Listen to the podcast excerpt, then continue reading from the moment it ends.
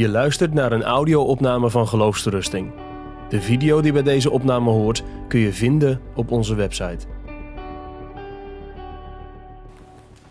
Ik wil de tweede lezing, voordat we ook gaan kijken naar uh, Matthäus 4, zonder dat dat ook weer helemaal uitgewerkt kan worden, maar ik wil ook beginnen met een stukje persoonlijk verhaal. Marcel kan er misschien ook over meepraten wat het met je doet om theologie te studeren. Kan veel goeds met je doen. Kan ook veel vragen opwerpen. Veel twijfels oproepen. Als je al die theorieën over je uitgestort krijgt van over God, over de Bijbel, over godsdienst enzovoort. Ik weet nog dat ik zelf in een periode van mijn leven zat dat ik me ook dit afvroeg. Waar is God? Waar is het allemaal wel eigenlijk wel waar? Is het allemaal wel zo zoals het staat in de Bijbel? En dan, dan denk je terug aan de eerste liefde, maar het was ver weg. En wat ik toen voor een raad kreeg van mijn eigen dominee, dat vond ik zo waardevol dat ik dat op heel veel plekken weer doorgeef aan anderen. Misschien doe je dit al lang, maar hij zei tegen mij: Je moet gedenkstenen oprichten, net als Israël in de woestijn in de woestijn. Dus Jozua zei dat, hè, je kan het lezen in het boek Jozua, dat Jozua dat ook tegen de Israëlieten zei. Jullie moeten gedenkstenen oprichten. Want als straks anderen, jullie kinderen aan jullie vragen, waarom staan die stenen daar? Want God heeft ons uit de woestijn, uit de slavernij van Egypte geleid en door het water heen in het beloofde land gebracht. Als een gedenksteen waar je naar terug kan gaan. Wij hebben ook gedenkstenen, die staan overal, meestal voor de Tweede Wereldoorlog, om niet te vergeten. Nou, hij zei tegen mij, je moet gedenkstenen oprichten. Hij bedoelde, je moet een geestelijk dagboek bijhouden. hoef je niet elke dag in te schrijven. Maar als er dingen gebeuren in je leven of gebeurd zijn, als God tot je gesproken heeft, het kan zijn dat een lied je trof, het kan zijn dat er in een gesprek met anderen, het kan zijn dat een, het woord zo op je afkwam, een preek, wat er ook is. Maar wat je in het leven met de Heer hebt ervaren, waarin je merkte dat Hij tot je sprak, dat Hij van je afwist. En op dat moment wist je het heel zeker. En later kan je het zomaar weer kwijt zijn. Hij zei: schrijf het op, houd het bij. Ook je gebeden. Het kan zomaar zijn dat, dat je later denkt, hoort God mij eigenlijk wel? Verhoort hij mijn gebeden wel? Als je bijhoudt wat je gebeden hebt en wat God verhoord heeft. Het is mij al vaak gebeurd dat ik in een periode zat dat ik dacht, ik moet eens weer een gedenksteen oprichten. Maar het is ook vaak gebeurd dat er een periode was dat ik dacht, nu moet ik eens gaan kijken. Terug naar die gedenkstenen. Kijken, wat heb ik opgeschreven toen? Wat heeft God gedaan in mijn leven? Als je je afvraagt, is God er wel? Heeft hij ooit wel naar mij omgezien? Of heb ik me dit allemaal ingebeeld? Dat je dan ergens naar terug kan gaan. Ook dat is weer heel bijbels. Hè? Niet alleen die gedenkstenen. Maar wanneer draait het nou om in die psalmen die ik net citeerde? Waarin de klacht klinkt, waarin de nood klinkt, waarin de twijfel klinkt en de aanvechting klinkt. Wanneer draait het nou om? Als de dichters gaan gedenken, gaan terugdenken, zichzelf te binnen gaan brengen wat God gedaan heeft. Diezelfde psalm die klinkt, zou de Heer zijn gunstgenoten altijd verstoten. Dat klinkt later, ik zal gedenken hoe voor deze, hoe vroeger mij de Heer heeft gunst bewezen. En ik zal de wonderen gadeslaan, ik zal ze bekijken, ik zal ze bewonderen, die Hij van ouds heeft gedaan. Dat is gedenksteen oprichten. Juist in de tijden dat je denkt het is woestijngebied. Juist dan. Eigenlijk is dat ook wat David doet in Psalm 63. Hè? Ik heb uw glorie gezien in de tempel, ik weet het nog. Heren, toen zag ik u, toen was het echt. En u bent nog echt, al merk ik het niet. Dat kan ik je echt aanraden. In de woestijn. Als je kijkt naar wat ik zojuist zei in mijn eerste lezing, die woestijn is nooit alleen een geest, is nooit alleen een letterlijke plek, een geografische plek, maar ook een geestelijke plek. Nou, het is niet voor niets dat Matthäus 4 zegt dat Jezus werd geleid in de woestijn. Wanneer is dat? Heel apart is dat, ook wel heel aangrijpend. Dat is direct na zijn doop. En dat is echt een hoogtepunt geweest, denk je niet? Dat, dat de Heer Jezus gedoopt werd. Dat hij dertig jaar lang wist wat zijn roeping was. Al als twaalfjarige tegen zijn ouders zei: Jullie weten toch dat ik moet zijn in de dingen van mijn vader. Dat hij met het opgroeien steeds meer zich bewust werd van zijn roeping, van zijn levenstaak, van een zoon van God te zijn. En dat hij toen eindelijk dat moment daar was, dat de geest op hem kwam. En dat de vader zei: Dit is mijn zoon. In hem heb ik mijn welbehagen. En dan meteen na zijn doop, meteen naar dat hoogtepunt, gemeenschap met God, daar is God de Vader, daar is God de Heilige Geest. Het verkoelende water van de Jordaan, waarin hij onderdompelt, die verzengende hitte en droogte van de woestijn. Zo lag het dus ook voor de Heer Jezus. In de woestijn geleid. En ik zei zojuist dat het een troost is dat je weet dat anderen daar ook geweest zijn. Als je je ervaart, ik ben in de woestijn, je bent de enige niet. Je bent niet zo eenzaam als die, als die jongen of meid of man of vrouw die op dat plaatje ziet van de avondaankondiging. Dat is een troost dat anderen dat ook kennen, maar de grootste troost is dit. De Heer Jezus is er ook geweest. Ook als de duivel je beproeft, verleidt. En misschien is een van de beproevingen wel die vraag: waar is God? Is hij er wel? Misschien heb je de ervaring, ja, het staat wel zo eenvoudig in de Bijbel: wie zoekt, die vindt, maar het is zo dor en droog om je heen. Jezus Christus is in de woestijn geweest. Dat is voor hem niet onbekend. Hij weet hoe het is. In het Engels wordt dan wel gezegd, als iemand je iets vertelt over een bepaalde ervaring en je weet wat het is, dan zeg je been there. Oftewel, daar ben ik ook geweest. Been there, done that. Been there is dan niet letterlijk van ja, ik ben daar ook geweest. In die plek waar je het over hebt, die stad of die plaats. Nee, dat betekent in die situatie waar je nou over vertelt, been there, daar ben ik ook geweest. Ik weet wat het is om dat door te maken. En dat maakt zo'n groot verschil, hè? Misschien zijn er wel dingen in je leven gebeurd dat je zegt, heel veel mensen begrijpen niet hoe diep dat gaat. Maar ik hoorde een keer van iemand die zei, toen kwam ik iemand tegen die hetzelfde had meegemaakt. Die wist wat die pijn was. En die hoef je niet alles uit te leggen. Daar hoef je niet bepaalde moeilijke vragen telkens weer te beantwoorden. Die persoon heeft aan een half woord genoeg, want being there, hij of zij is daar geweest. Hij weet wat het is.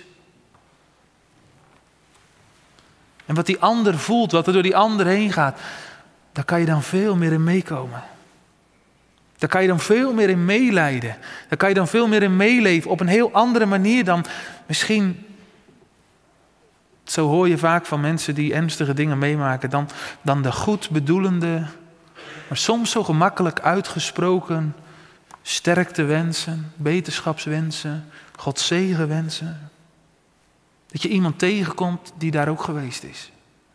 Nou, dat is zo heerlijk. Die band te ervaren. Daarom zoeken mensen ook, als ze iets ernstigs hebben meegemaakt, zoeken ze een lotgenoten contact op, een lotgenotengroep. Nou, het evangelie verkondigt ons vanavond dus dat de Heer Jezus onze lotgenoot is. Als wij de vraag stellen, waar is God? Als wij ervaren dat ons leven soms een geestelijke woestijn is. En dat de duivel er als de kippen bij is om van alle kanten die vragen op me af te vuren. En mij te verleiden, mij te prikkelen om afstand te nemen van God, meer en meer. En het is door om me heen. Dat de Heer Jezus zegt, I have been there. Ik ben daar ook geweest. Ik weet wat het is. In die droogte, in die dorheid. Een leven voor je gevoel buiten Gods bereik. Hij weet wat het is. De Hebreeënbriefschrijver zegt het, hè? Hij is in alles verzocht geweest zoals wij, maar zonder zonde. En we leggen vaak en terecht de nadruk op dat laatste, maar zonder zonde. Zeker. Maar er staat dus ook, hij is in alles verzocht geweest zoals wij. Denk nou niet dat de Heer Jezus, omdat hij de Zoon van God was, wat hoog boven onze menselijke ervaring zweefde. Wel in onze wereld gekomen is, maar toch eigenlijk niet echt een mens was. Met jouw moeite, met jouw vragen, met jouw strijd, met jouw verleiding. Hij heeft niet gezondigd. Maar hij is wel verzocht geweest. Je kan geen bange vraag bedenken. Of hij heeft die onder ogen gezien. Of hij is daar geweest. Of hij weet wat het is. En hij heeft net zoals dat, als die lotgenoot, hij heeft al aan een half woord genoeg als je het hem zegt. Als je het hem vertelt. Als je roept. Hij weet het. Hij kent je vragen. Dat is toch heerlijk om dat te weten. Dat er aan de rechterhand van God iemand is die weet wat het is. Die nu in de heerlijkheid is, bij de Vader, in de glorie. Maar die ook weet wat het is om in de woestijn te zijn. En die voor de kerk bidt. Dat is de Heer Jezus. En het, het aparte, het bijzondere is wat we dan leren uit Matthäus 4 is. Toen werd Jezus door de geest weggeleid naar de woestijn om verzocht te worden door de duivel. Die twee die staan zo dicht bij elkaar in dit vers. Door de geest weggeleid in de woestijn. Om verzocht te worden door de duivel. Dat is, dat is toch op het eerste gezicht een tegenstelling. Ben je er nou door de geest? Is het iets waar God je brengt? Of is het iets wat de duivel doet? Is de Heer Jezus, moest hij nou in de woestijn zijn omdat de Heilige Geest hem leidt? Leidt mij Heer, o machtig heiland, door dit leven aan uw hand? Heeft God hem zo geleid, ook zijn eigen zoon de woestijn in? Of was het de duivel die dat wilde? Allebei. Jezus werd door de geest weggeleid om verzocht te worden door de duivel. Dus het kan inderdaad zo zijn dat die plaats waar je je bevindt, die woestijn waar je van je zegt, waar is God nu? En waar je zo dorst ervaart en waar je zo weinig water hebt. Het kan inderdaad zo zijn dat de Heilige Geest je erheen leidt. Dat, hij, dat het niet buiten zijn hand omgaat, zeker niet. Dat je daar bent. Dat je daar bent met een bedoeling. Maar het is zeker tegelijk zo dat in die woestijn, juist daar, de duivel vat op je kan krijgen. En, en, en de vragen je zo in beslag kunnen nemen. En de twijfels, dat je afstand neemt. Dat, dat was de duivel zijn doel, hè. Met de Heer Jezus die naar de woestijn ging. Weliswaar door de geest beproefd, maar door de duivel verzocht. En de duivel had maar één doel. De duivel had het één keer geflikt. Adam, weggeleid van God. Adam, de mens naar Gods beeld. En nu probeert de duivel het weer. Eerst in de tuin, in de hof en nu in de woestijn. Om de mens naar Gods beeld, Jezus. Die het beeld van de onzichtbare God is. Die alles is wat Adam niet meer is. Om die opnieuw te verleiden, te verzoeken. Opnieuw twijfel te zaaien over God. Dat had hij in het paradijs gedaan, dat doet hij weer. Hij is zo voorspelbaar, de duivel. Altijd twijfel zaaien. Het Griekse woord voor, voor duivel is ook diabolos. Dat betekent door elkaar gooier. Hij wil alles op de kop zetten. Alles door elkaar gooien. En juist in de woestijn krijgt hij vat op je. Denk erom. Juist als het dor is, als het dorstig is. Dus dus die twee kanten kunnen er aan mijn woestijnervaring, aan jouw woestijnervaring echt zitten. Aan de ene kant de Heilige Geest en aan de andere kant de duivel. De duivel die het aangrijpt om je bij God vandaan te brengen. Waarom brengt de geest je in de woestijn dan? Waarom bracht de geest Jezus in de woestijn? Om in de moeite, in de strijd, in de verzoeking, Jezus geloof en vertrouwen alleen te richten op de Vader. Jij zegt misschien, ja, moest, moest hij dat leren dan? Ja, dat moest hij leren. Was hij niet volmaakt dan? Jawel. Was hij ook ongelovig geweest dan? Of nee, maar Hebreeën weer, hè, die Hebreeënbrief, die zegt in Hebreeën 5, hoewel hij de zoon was, heeft hij toch gehoorzaamheid geleerd uit wat hij heeft geleden. Dus de geest is de weg met de Heer Jezus gegaan door de woestijn. Om de Heer Jezus dieper te leren wat het is om gehoorzaam te zijn. Aan het woord van zijn vader. Om gehoorzaam te zijn aan de roeping van zijn vader. Om ook in de woestijn het vol te houden tegen de duivel. Om plaatsvervangend voor Adam, die daar gevallen is, in contact met de duivel. Die voor de verzoeking bezweken is. Om daar ook de Heer Jezus, de heiland, te brengen zodat hij in Adams plaats gehoorzaamheid zou leren uit hetgeen hij heeft geleden. Zo moeten wij soms in het spoor van de Heer Jezus gaan, ook in de woestijn. Waarom doet de geest dat? Nou, om je gehoorzaamheid te leren. Om je dieper te gronden, dieper te funderen op het woord van God. Zoals ik zojuist al zei, als je het even niet ziet, even niet ervaart. Om je dan vast te klampen, om je dan toch vast te houden, om dan toch je vast te grijpen. Ondanks de dorheid. En toch te hopen op Hem. En dan, dan moet je jezelf soms weer bij de les trekken, zoals ook sommige dichters van de psalmen doen. Hè? Ziel, wat, wat ben je onrustig in mij? Wat buig je je neer? Hoop op God, je zult Hem weer loven. Hij is de menigvuldige verlossing van je aangezicht en je God. Hoop op Hem. Ik zal Hem weer loven. Dat is gehoorzaamheid. In de beproeving. Tegen de diabolos in die alles door elkaar gooit. Die de vraag op je afvuurt waar God nou eigenlijk is. Nu jij zo diep in de ellende zit. Nu jij Hem niet meer ziet. Nu jij het niet meer weet. En Hij doet niks. Zie je wel? De duivel doet het nog precies hetzelfde als in het paradijs. Is het waar dat God gezegd heeft? Nou, is het waar dat God gezegd heeft: Ik zal altijd bij je zijn? Waar is hij dan? Waar is God? Vraag je je toch wel eens af, zegt hij dan. Wat doet Jezus eigenlijk? Jezus weerlegt drie keer het woord van de duivel met het woord van God. Hij zegt drie keer: er staat geschreven. Tot drie keer toe. Als je je afvraagt, waar is God? Er staat geschreven. Grond, fundeer jezelf daarop.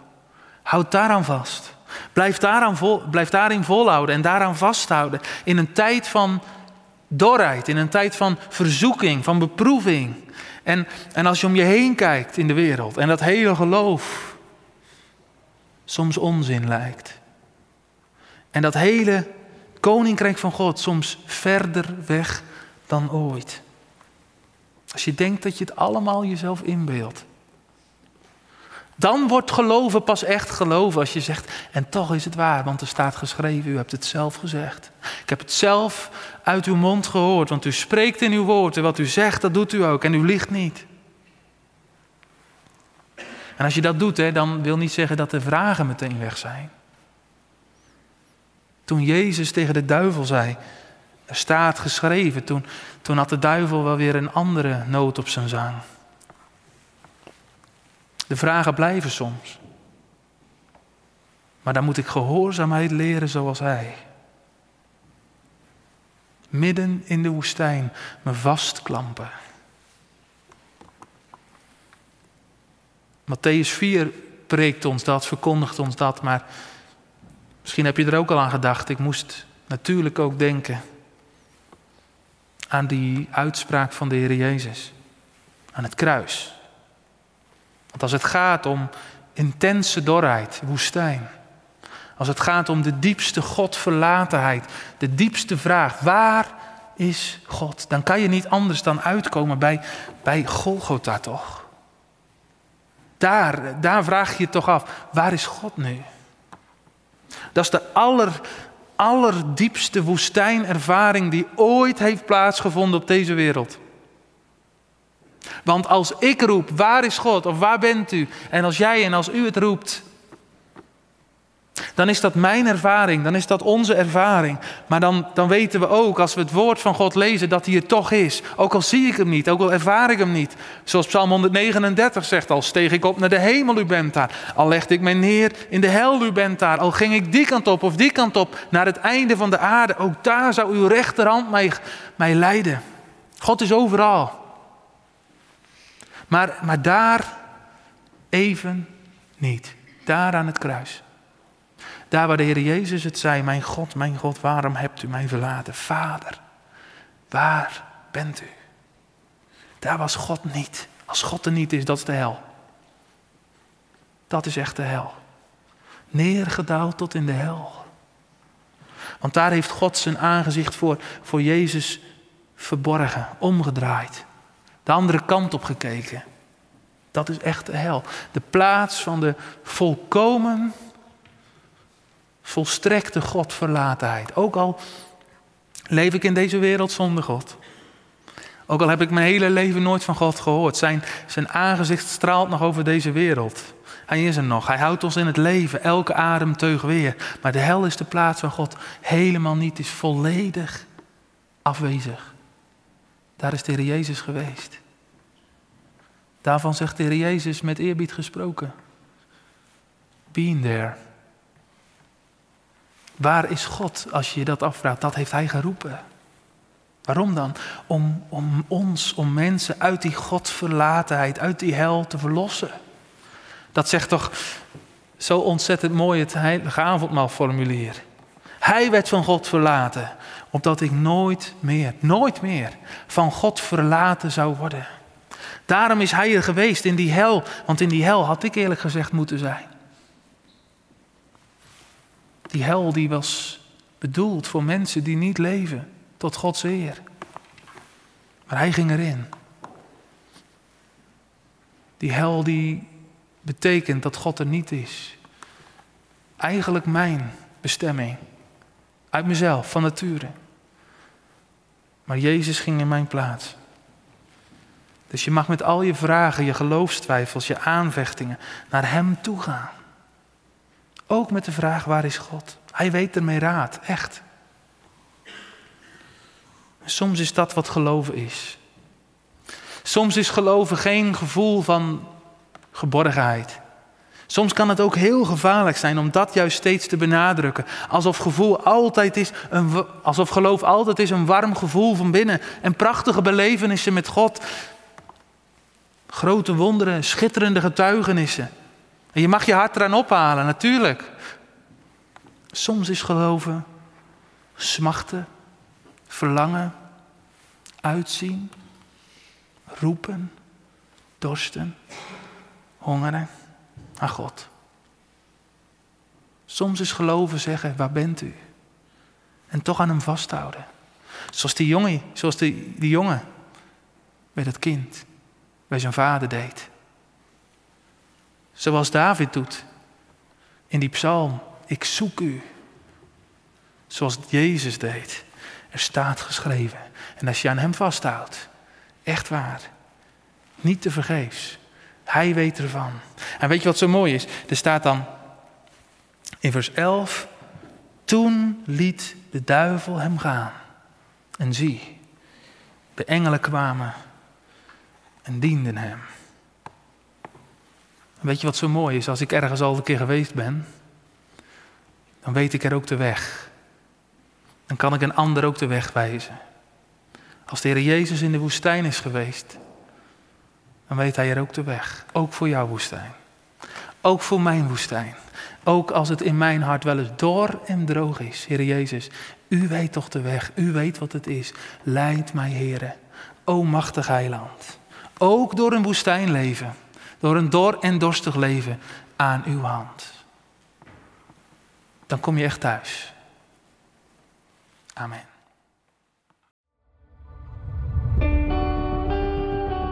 Je luistert naar een podcast van Geloofsterusting. Wil je meer luisteren, lezen of bekijken? Steun dan ons werk en ga naar de website geloofsterusting.nl.